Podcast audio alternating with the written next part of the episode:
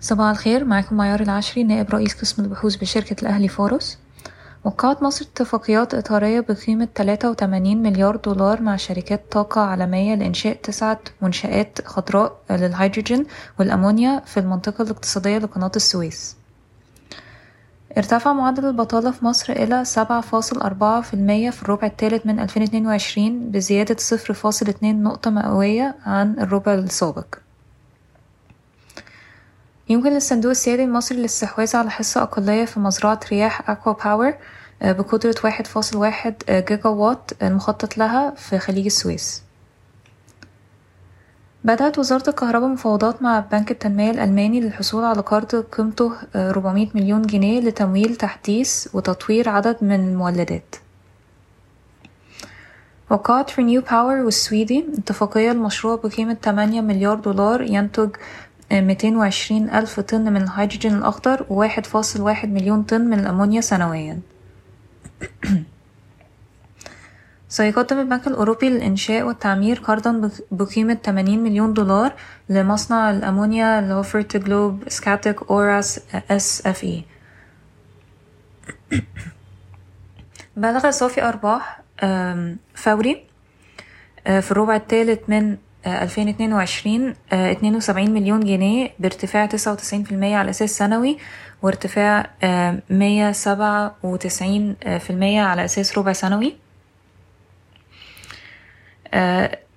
بلغ صافي أرباح ضمتي في الربع الثالث من 2022 52 مليون جنيه بانخفاض 1% على أساس سنوي وانخفاض 15% على أساس ربع سنوي. ارتفع صافي أرباح إعمار في الربع الثالث من 2022 23% على أساس سنوي و 21% على أساس ربع سنوي إلى 1.8 مليار جنيه. بلغ صافي ربح هليوبلس في الربع الثالث من 2022 12 مليون جنيه. مقارنة بصافي خسارة 75 مليون جنيه في الربع الثالث من 2021 وصافي ربح 640 مليون جنيه في الربع الثاني من 2022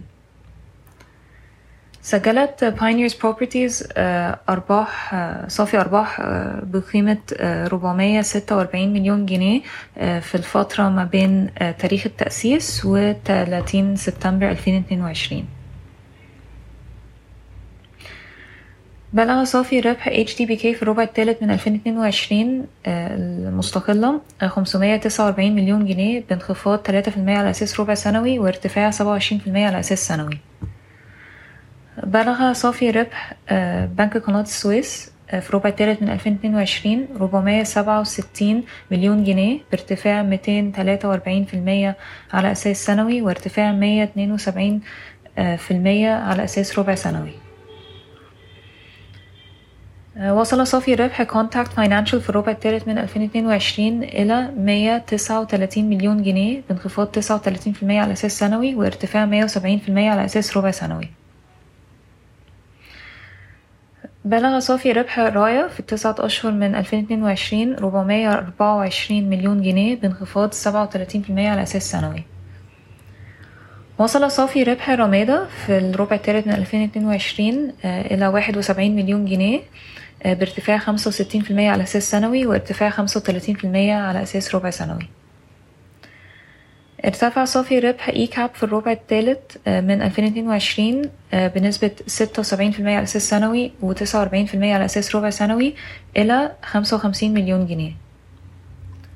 سجلت جدوى صافي ربح قدره 207 مليون جنيه في الفترة ما بين تاريخ التأسيس و 30 سبتمبر 2022 بلغ صافي ربح كيما في الربع الأول 2022 2023 471 مليون جنيه بارتفاع 178% على أساس ربع سنوي وارتفاع 286% على أساس سنوي.